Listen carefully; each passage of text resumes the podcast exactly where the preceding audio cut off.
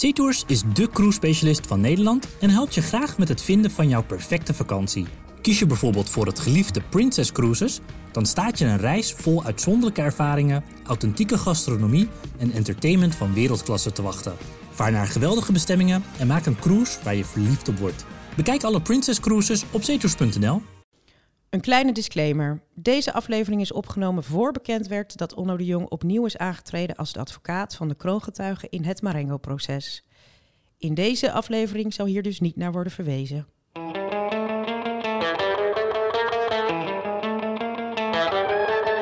Welkom bij Crime de la Crime, de podcast van strafadvocaten Peter Schouten en Onno de Jong over recht en rechtvaardigheid.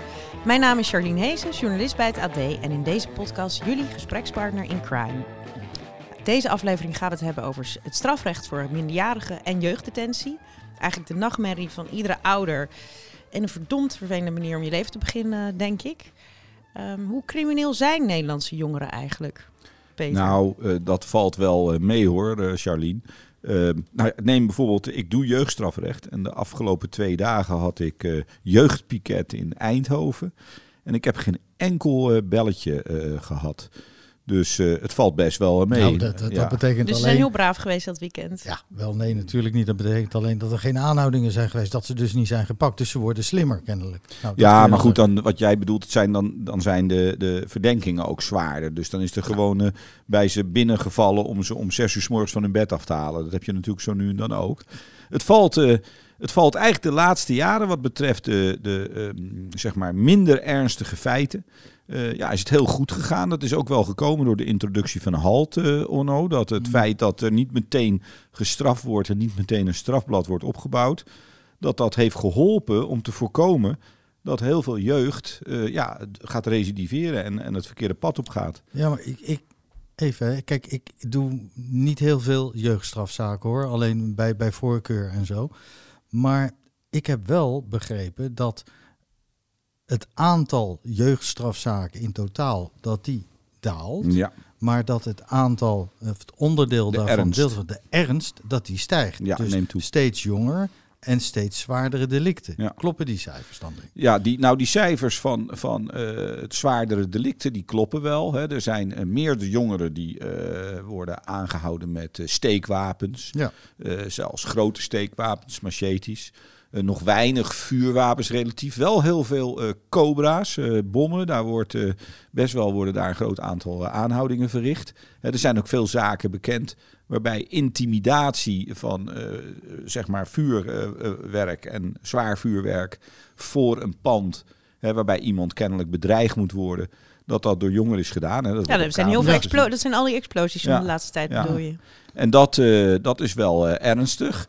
En um, ook dat je inderdaad, wat je zegt, dat je niet zomaar meer een mes kan, een, gewoon een koksmes uh, bij de HEMA mag je niet meer kopen als je onder de 16 bent, geloof ik. Ja, en dat je, is ook het, denk ik, hieruit. Ja, je mag het dus ook niet bij je dragen. Nee, maar, en, en, en je krijgt natuurlijk problematiek op school. Want ik weet niet wat jij ervan vindt, Onno. Maar, want jij bent nogal uh, streng met dat soort dingen. Maar ik vind zelf eigenlijk ook wel dat op scholen waar veel uh, wapens worden aangetroffen ja. bij uh, de jeugd, dat daar wel een poortje moet komen. Ja, nou, ik, ik ken daar geen cijfers van. Maar ik zou zeggen, uit voorzorg zou ik bij alle middelbare scholen zou ik uh, detectiepoortjes neerzetten. Ja, loop er maar doorheen. En als je alle middelbare scholen, maar dit is toch niet Gangsters Paradise? Ik bedoel, is dat niet een beetje ja, ja. te overdreven? Nou, kijk, als je kijkt naar Amerika, wij zijn natuurlijk niet Amerika, maar als, Mhm. je, als je ziet hoeveel van die school shootings daar zijn, hè, elke dag is er wel één of meerdere, waar daar horen wij hier niet eens meer van. Nee, dat weet ik. Je moet voorkomen dat dat hier ook gaat ja, maar gebeuren. dit is een groot essentieel verschil is de verkrijgbaarheid van wapens natuurlijk. De verkrijgbaarheid van maar het gaat niet alleen om vuurwapens. Het gaat ook om, om messen, uh, machetes, uh, hakbijlen. Uh, een tijdje geleden nou, hebben ik ben al een twee... tijdje van school af, maar dat kan ik me niet. Dat, is het zo wild dan nu op de Nederlandse scholen? Nou ja, kijk, het zijn natuurlijk niet allemaal mensen die op die scholen zitten, maar het zijn wel jeugdigen, bijvoorbeeld uit de drill uh, rap oh ja. scene. Hè? Mm -hmm. die, die mensen die lopen echt met, met giga machetes en mensen, messen uh, op straat. Nou, die kunnen ze ook meenemen naar een school. Dat moet je voorkomen. Ja. Nou, deze keer ben ik het wel met Onno eens. Meestal vind ik hem wat te streng. En hij heeft ook allemaal hele rare ideeën over uh, jeugdstrafrecht ja, en ja, nou ja, vind gevangenisstraf. Want nee. uh, ja, in Nederland is het dus in de eerste plaats zo dat je in ieder geval 12 jaar oud moet zijn voor je kan worden vervolgd. Ja, waar komt dat eigenlijk vandaan? Nou, Nou, dat heeft te maken met natuurlijk in hoeverre de ontwikkeling van een, een, een jongere zo is dat hij al een gewetensfunctie heeft. Dus dat het, dat het geweten actief is. En daar is toch wel van aangetoond dat dat 12 is. Overigens, je kunt wel door de politie verhoord worden als je 9, 10 of 11 jaar oud bent. Ehm, als het gaat om waarheidsvinding. Dus ze willen eh, ontdekken wat er gebeurd is, of als getuige. En dan mogen ze je ook echt wel in een verhoorsituatie plaatsen en dwangmiddelen toepassen. Dan moeten wel de ouders eh, er, erbij zijn. Ja, je mag dus niet vervolgd worden. Maar je mag niet Geval. vervolgd Ja, nou eh, ja. worden. Nou ja, Onno, jij hebt Ik- eens, ik heb jou horen roepen wel eens dat het naar 10 moet. Wat is dat voor nou raar verhaal, ik, joh? Ik, ik, kijk, de mens ontwikkelt zich, de samenleving ontwikkelt zich. En die grens van 12 jaar, die kennen we al heel lang. Ja, maar die kinderen van 10 ontwikkelen zich nog niet in de richting dat ze dus een gewetensfunctie hebben. Nou, dat, dat weet ik dus niet. Dus dat zou je moeten onderzoeken. Misschien dat dat fysiologisch eh, op dit moment wel zo is. Dat die ontwikkeling daarin Dat je meegaat. eerder volwassen wordt. Ja, dat je eerder dat je sneller volwassen wordt. Maar het is ook niet nodig, want weet je wat er gebeurt? Op het moment dat kinderen worden aangehouden van een hele jonge leeftijd, 12, 13 jaar, dat staat in de richtlijn van het OM, wordt er natuurlijk ook in de keten, zoals dat heet, hè, dus alle samenwerkende partners, wordt er naar zo'n geval gekeken. En dan kun je dus een aantal situaties gaan zien dat de Raad voor de Kinderbescherming en Veilig Thuis eh, uiteindelijk, en eh, Centrum Jeugd en Gezin heet het dan, die gaan dan gewoon kijken hoe er civielrechtelijk moet worden opgetreden. En als je dan zo'n zo'n jongere hebt van zeg maar eh 12 die een bepaald feit pleegt wat toch Ja. wel ernstiger is, maar wat nog niet rechtvaardigt dat er gewoon jeugdgevangenis bij komt kijken, hè, dus bewaring. Eh, dan, eh, dan wordt dat gewoon een uithuisplaatsing. En dan gaat zo iemand gewoon naar een gesloten, gesloten jeugdinstelling. Wat dus het is ook afvraag, niet zo nodig. Sorry, wat voor, wat voor misdrijven plegen mensen of kinderen van 12 of 11? We hebben het dan over? Over dat, over dat eh, koksmes op school? Of, eh, Ja, ik, ik zou niet precies weten wat, wat voor misdrijven nou in de regel bij dat soort Nou, het meeste is gewoon winkeldiefstal. Ja, als ik, als ik vijf, of normaal gesproken krijg ik zo'n vijf meldingen als ik jeugdpiket heb.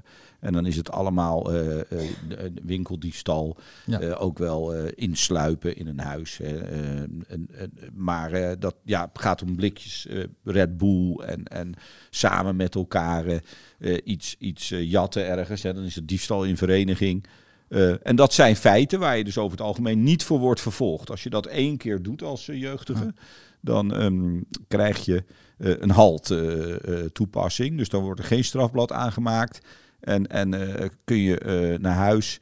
En dan wordt via de halt-instelling wordt er dan voor gezorgd dat je eh, over die, die, die situatie gaat nadenken. Over het gevolg wat je andere mensen hebt aangedaan. En, en moet je ook een opstel schrijven over eh, zeg maar datgene wat je hebt gedaan. En wat de consequenties daarvan Ja, zijn. nou ken ik, ik ken die, de, de, de recidieve cijfers dan niet hoor, Daar, dat, dat geef ik meteen toe. Maar als ik wel heb, dan kun je tussen de 12 en de 15 kan je maximaal één jaar gevangenisstraf krijgen hè, als het gaat om misdrijven. En, en eh, tussen de eh 16 en 18 maximaal twee jaar.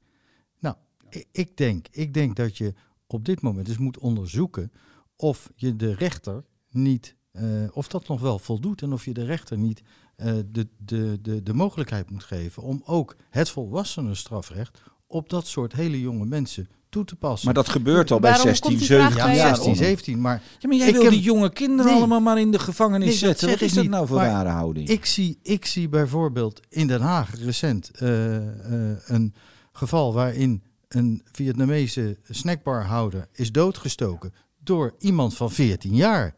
En dan vraag ik me af, als je dat soort feiten pleegt en je bent zo jong, kun je dan nog wel volstaan met dat hele instrumentarium wat we nu eh, uit de kast kunnen trekken in het jeugdstrafrecht? Heeft de Moet officier... Ja, heeft de moet je dan officier... niet gaan, gaan, gaan kijken of je daar niet bijvoorbeeld een langere gevangenisstraf op zou moeten kunnen leggen? Nou, nou, ik De denk niet een langere gevangenisstraf, maar heeft die officier in die zaak, want dat, ik heb hem niet scherp zitten, die zaak, heeft hij geen pij, dat is TBS voor jeugd eh, geëist dan. Dus dat kan zeven jaar, hè, pij, en dat kan ook verlengd worden naar TBS. Ja, nee, dat kan omgezet worden inderdaad. Ja, dat, dat klopt, daar heb je gelijk in. Dat, dat weet ik zo niet, maar ik, ik haak even aan bij de trend dat je, eh, die we net bespraken. Dat Zwaardere je zegt van, nou, vergrijpen. steeds zwaardere vergrijpen en eh, op jongere leeftijd.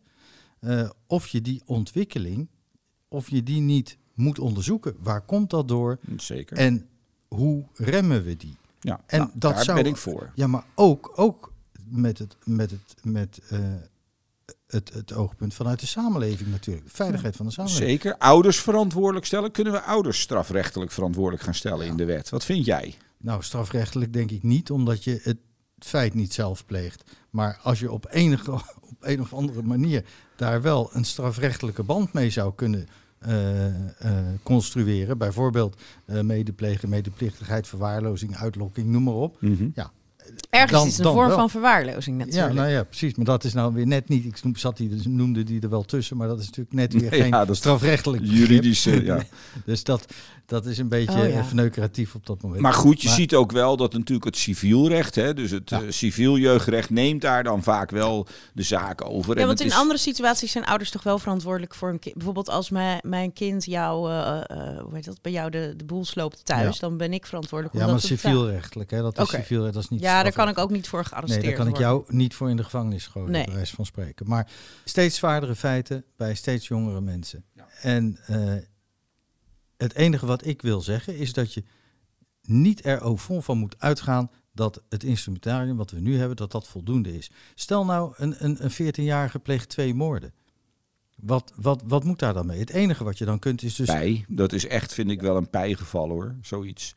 Want je, ja, je kan zeggen, eh, het is een stoornis als iemand op die leeftijd al eh, een, een, een levensdelict pleegt. Ja, daar Ja. moet wel wat therapie aan te pas komen, Ja, lijkt maar mij. als het om een volwassene zou gaan, dan zou je daar ook nog een gevangenisstraf aan vastknopen, kunnen vastknopen. En eh, ik vind dat de rechter onder bepaalde omstandigheden moet kunnen beoordelen, vrij moet kunnen zijn om te beoordelen of hij dat nodig vindt of niet. Ja, maar er moet ook een wilselement zijn. Hè? Als je opzet eh, hebt op iets, zou Ja. er een wilselement moeten zijn. En die kinderen hebben geen gewetensfunctie. Dus als zij niet weten en, eh, dat ze eh, iemand eh, het verschil tussen goed en kwaad. En als zij niet hun wil hebben kunnen beperken om, om eh, dat feit te plegen, dan kun je daar toch geen gevangenisstraf voor Ja. geven. Dat zou je zelfs met een volwassene niet doen. Ja, boven Nee, de maar 12 hebben ze dus wel geweten, Ja, we- Nou, het is, er is aangetoond. Er is, nou, dat, ja, maar nee, serieus. Nee, je gaat ook naar de middelbare school. Ik snap Ja. dat je het een leeftijd van 12 wel. Het is net weer een stap naar, meer Ja, richting eh maar jong volwassen. Je, je kunt toch niet zeggen, of misschien ook wel hoor, ik ben geen psycholoog, eh, kinderen van 14 hebben nog geen geweten. Ik, ik weet van mezelf dat ik, toen ik 14 was, wist ik echt wel wat goed en kwaad was. Toen Ja. ik 12 was, wist ik dat ook al. Ik, ik ontdekte trouwens nog wat aparts, eh Onno. Ik zat eh, ter voorbereiding van jeugdstrafrecht. Op een cursus zat ik de richtlijn van het Openbaar Ministerie na te kijken over van, nou, wat ze dan met straf mogen doen bij 12 en 13-jarigen, 14 en 15-jarigen, 16 en 17-jarigen. In die hele richtlijn zijn ze vergeten 14 en 15-jarigen op te nemen. Het springt van 12, 13 naar eh, 16, 17. Dat vond ik wel heel apart. Want in die voorfase moeten ze ook nog heel erg goed zorgen. Want je zegt het is de ergste nachtmerrie van een ouder. Nou, de ergste nachtmerrie van een ouder is dat je kind op een politiecel komt vast te zitten. Want? Dat is, ja, dat is vreselijk. Dat je weet dat zo'n kind daar is ingesloten, in een cel zit. Er zijn maar een aantal eh, politiebureaus in Nederland waar ze kindercellen hebben. Hè, dus waar een cel ook zo is ingericht dat er bijvoorbeeld een Barbie eh, op de cel eh, zou zijn, of een aantal. Echt? Ja, Ja, ja, net het, zoals wij hier in de ja. studio hebben natuurlijk. Ja, wij hebben ook. eh, Bij de blokkendoos. ja, in hebben ook opeens een Barbie in de Het studio. hier, ja. poppenhuis in de En, en jij, Onno, jij, dit begrijp ik echt niet. Jij hebt de Barbie als, eh, als soort ho- hobby. Ja, ik heb een, ik heb een zeemim Barbie in de, in de verpakking nog. Oké, Ja. nou, Ja, dat, daar eh, kunnen moet mensen je me die nog maar daar eens een bod op willen doen, eh, kunnen mailen naar Crime de la Crime de podcast. Maar, Maar goed, het is, het, het is dus zo dat dat best wel eh, moeilijk is voor die ouders. En ja, je ziet ook ouders helemaal in de war zijn op het moment dat hun kinderen zijn aangehouden. Want ik moet er wel bij zeggen, dat merk je natuurlijk als je jeugdstrafrecht doet zoals ik. Alle kinderen hebben een punt waarin ze met grensverleggend gedrag bezig zijn. Dus er is bijna geen ouder die kan denken dat uiteindelijk zijn of haar kind niet wordt aangehouden.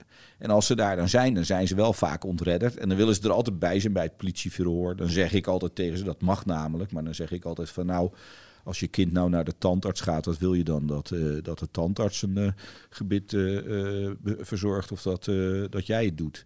Dus laat mij dat nou maar doen. Want ik heb er een hekel aan als die ouders bij dat verhoor zitten. Want dan zeggen ze allerlei rare dingen opeens. Zo van, kunnen ze ja, het alleen maar erger maken? Ja, ja, dan zeggen ze dingen als van, ja, dan had je ook maar niet met dat vriendje om moeten gaan. Ja. Dus, ehm, en, en, Ja, ik vraag me dus af, jezelf eh, wat die, zou je een, eh, iets algemeens kunnen zeggen over de achtergrond of het milieu waar jeugddelinquenten uitkomen? Of zeg je dat komt uit alle rangen van de samenleving eh, eh, gaan, minderjarigen wel eens de fout in? Wat denk jij, Onno? Nou, ik denk, ik denk dat dat op zich lastig is om dat, eh, om dat zo te duiden. Ik ken die cijfers ook niet. Daar, daar, Vanuit dus- jullie eigen ervaring of dan misschien wat Peter Nou, ik ken de cijfers wel. Er is dus op, op elke duizend eh Antilliaanse jongeren komen er maar 57 in aanraking met het eh, strafrecht, met justitie en Mhm. politie.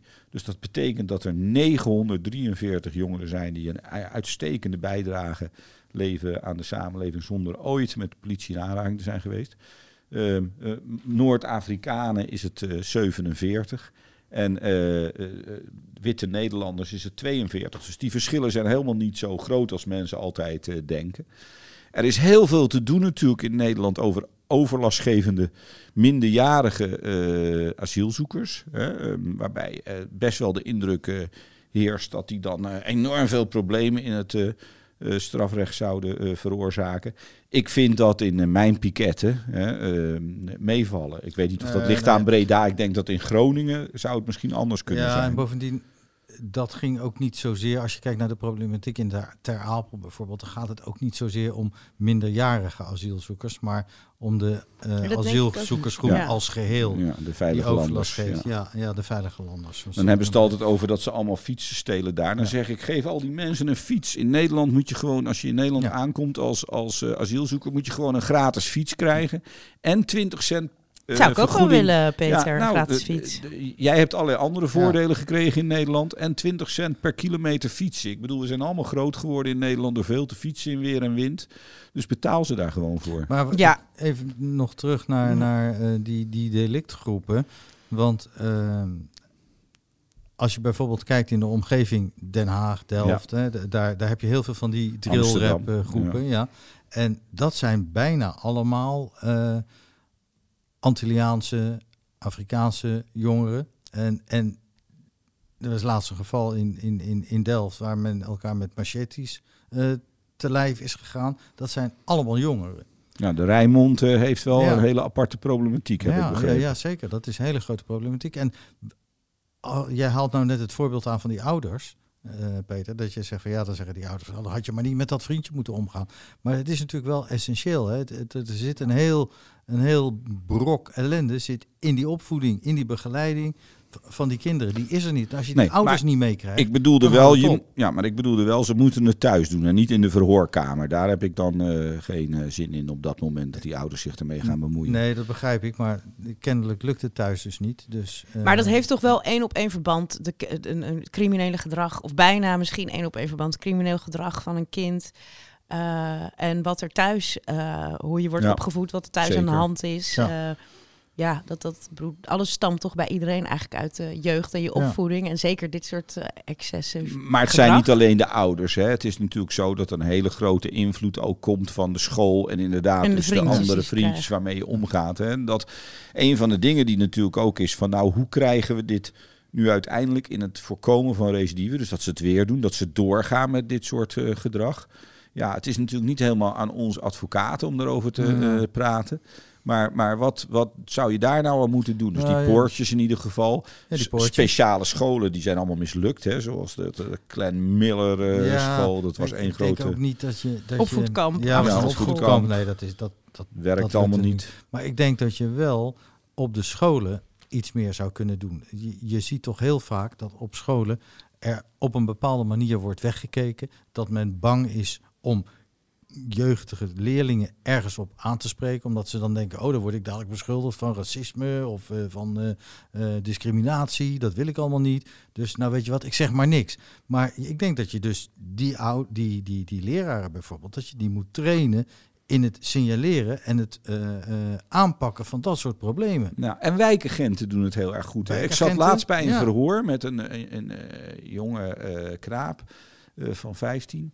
En, en die, die wijkagent, die had dat allemaal heel goed in de smiezen wat daar gebeurde. En die had best goed contact met die jongens. Ik moest wel lachen, want hij zei op een gegeven moment van... ja, ik wil ook vaak wel met jullie praten als groep... maar als jullie dan ergens staan met z'n twintigen en ik kom eraan... dan stuiven jullie allemaal weg. Toen zei dat jochie van 15 tegen hem... ja, dat is logisch, want als de politie komt gaan ze naar ID vragen... die hebben we nooit bij ons, krijgen we allemaal 90 euro boete. Toen heb ik daar gezegd, weet je wat jij moet doen? Jij moet achter op die fiets, want die gaan op die fiets... moet je zo'n witte vlag doen...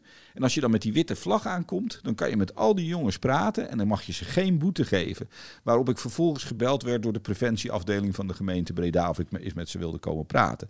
Dus preventie is op die manier ook wel goed. Ik ben toch wel trots op wijkagenten die, die heel goed met die jeugd omgaan. Want, Hey, en even, terug, even bureau halt, want dat, jij, jij prijsde dat net. ehm, ja, dat is heel belangrijk. Je, het, het, het mag maximaal drie keer. Het hangt echt van de eh, eh, advocaat af die, die eh, op het bureau zit. hoe hij met de officier kan onderhandelen om toch bij een tweede keer. Eerste keer is wel vrij makkelijk. Het gaat om een aantal misdrijven. Het kan niet een te zwaar misdrijf zijn. Maar bij diefstal, vernieling, openlijke geweldpleging met niet meer dan 4500 euro aan totale schade, kan dat. En dan lukt het wel. Maar degene die daar zit moet wel bekennen. Want je hebt natuurlijk ook een situatie, mag een jeugdige zwijgrecht ge- gebruiken? Ja, natuurlijk mag hij zeggen. ja, gebruiken. vind, ook, vind ik ook. Ik heb eens een keer meegemaakt dat ik dat geadviseerd heb. En toen kwam de zitting. En toen zei eh, de rechter: Nou, eh, meester Schouten, gaat u nog even naar de gang met uw cliënt. Want eh, ik ben er niet van overtuigd dat nou zwijgrecht wel de juiste wijze is. Ja. En toen heb ik gezegd: Nou, dat ga ik niet doen. We, zijn, we blijven hier. En toen is die inderdaad vrijgesproken. Ja, want je, dus als je bij bureau halt hebt, want dat is een soort taakstrafje, krijg je dan ja, opstel maximaal net over. 20 uur taakstraf. En dat is dan, eh, hoe heet dat, papiertjes prikken? Nou, nee, het is meer een goed opstel maken over de gevolgen, de consequenties van je daad. Het is ook belangrijk dat je leert de schade te vergoeden. Dus als je iets hebt gedaan, zoals bijvoorbeeld een, een bordje verboden toegang van een muur rukken en er zit allemaal schade aan, dat moet weer opgehangen worden. Dan, dan, is dat, eh, dan moet je dat vergoeden. En dan, eh, als je 18 bent, dan verdwijnt dat uit de systemen van de politie? Nee, eerder toch al?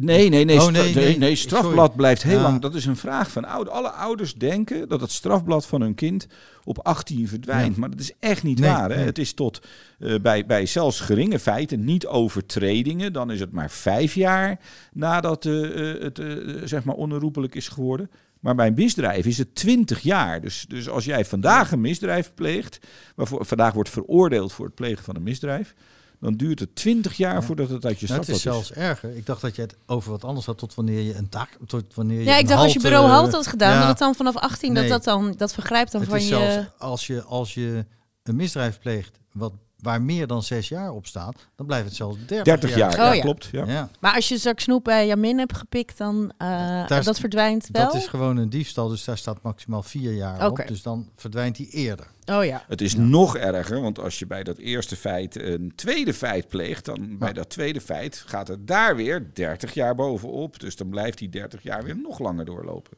Ja. Dus je, maar goed, bij een VOG, hè, een verklaring van goed gedrag, die je bijvoorbeeld nodig hebt om politieagent te worden of bij het leger te gaan.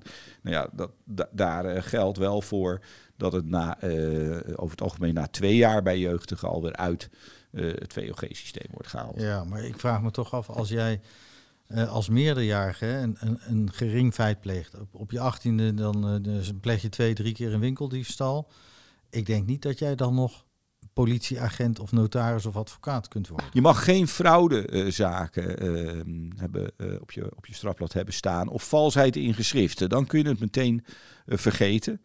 Ik vind overigens, als jij zeg maar een halsdelict hebt gepleegd en je hebt eh, ja, toch eh, je straf uitgezeten, vind ik dat op zich geen reden waarom je geen advocaat zou mogen worden. Valsheid in geschriften en fraude, daar kan ik me iets bij voorstellen. Een, sorry, wat voor vergrijp? Een hals? Een halsmisdrijf, een een moord of een eh, Oh, doodslag. eh, Levensdelict. Ha, heb ik nog nooit van gehoord. Een halsmisdrijf. Halsmisdrijf. Oké. ja.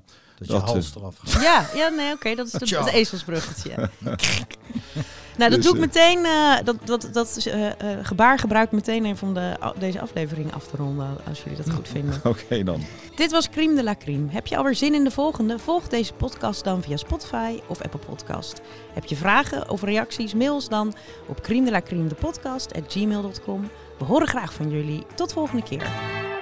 SeaTours is de cruise-specialist van Nederland en helpt je graag met het vinden van jouw perfecte vakantie. Kies je bijvoorbeeld voor het geliefde Princess Cruises, dan staat je een reis vol uitzonderlijke ervaringen, authentieke gastronomie en entertainment van wereldklasse te wachten. Vaar naar geweldige bestemmingen en maak een cruise waar je verliefd op wordt. Bekijk alle Princess Cruises op zeetours.nl